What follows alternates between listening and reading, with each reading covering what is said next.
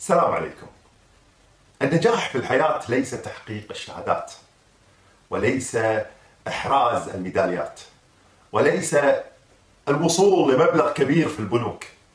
النجاح الحقيقي هو النجاح في القرب من مرضاة الله في تربية أبنائنا في تحقيق أهدافنا الخاصة فينا في الوصول إلى الرضا الداخلي هذا النجاح الذي دائما أنا أتكلم عنه صحيح إننا في كثير من الأحيان نحتاج أن نحقق النجاح بمفاهيم الآخرين.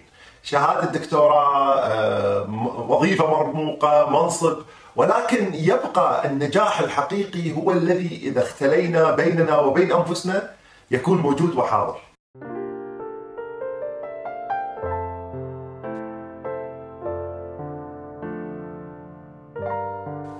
وعلينا أن نعرف أن أهم عامل من عوامل النجاح أن نؤمن أننا نستطيع أن نحقق النجاح. الكثير من الأشخاص يقترب من النجاح إلى حد قريب لكنه لا يكمل آخر خطوة في الألف ميل. والسبب في ذلك أنه لا يحاول أو أنه لا يؤمن وبالتالي لا يحاول. هو لا يعتقد أن هناك أمر يستطيع أن يحاول به أكثر. قبل سنين قرأت قصة رائعة تقول أن أحد المدربين آه، اشتكاه من يتدرب عنده وقال له أنت لا تحسن تدريبي. قال له كيف؟ قال إن إني أمضيت معك ما يقارب 15 سنة. ولا زلت لم تعلمني ما يكفي ليتغلب عليك. أنت أكبر مني ب 30 عام وأنا شاب ولا زلت لا أستطيع التغلب عليك. فاخبره أنه لا يحاول بالقدر الكافي. أصر الولد ثم تجرأ على مدربه بالكلام وقال له أنت شخص أناني وما إلى ذلك انزعج المدرب انزعاج شديد. ثم قال هل تريد أن أعلمك السر الذي لم أعلمك إياه؟ قال نعم. قال اذهب معي. فأخذه إلى مغطس ماء ثم قال له انظر ما الذي بداخله. أدخل الشاب رأسه داخل المغطس ثم أتى المدرب ووضع يده على رأسه وحاول أن يحبس أنفاسه داخل الماء قام بالمحاولة ثم قام بالمحاولة حتى وصل إلى مرحلة يريد أن يموت.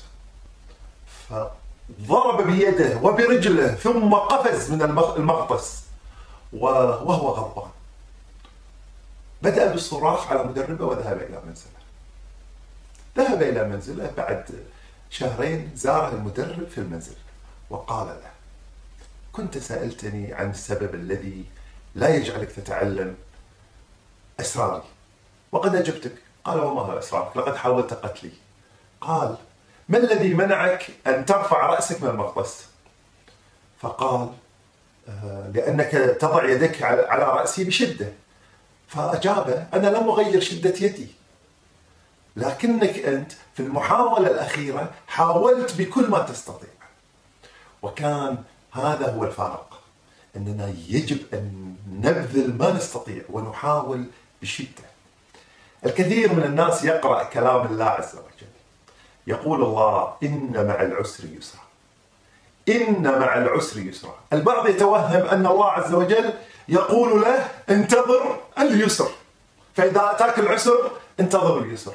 والأمر غير صحيح نهائي. كل ما علينا أن نكمل الآية. إن مع العسر يسرا.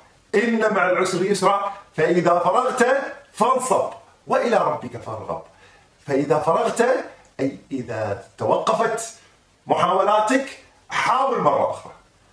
وإلى ربك فارغب ولا تنسى أن محاولاتك يجب أن تنتهي بربك وتجعل في قلبك الرغبة إليه نلتقيكم إن شاء الله كل ثلاثاء. السلام عليكم ورحمة الله.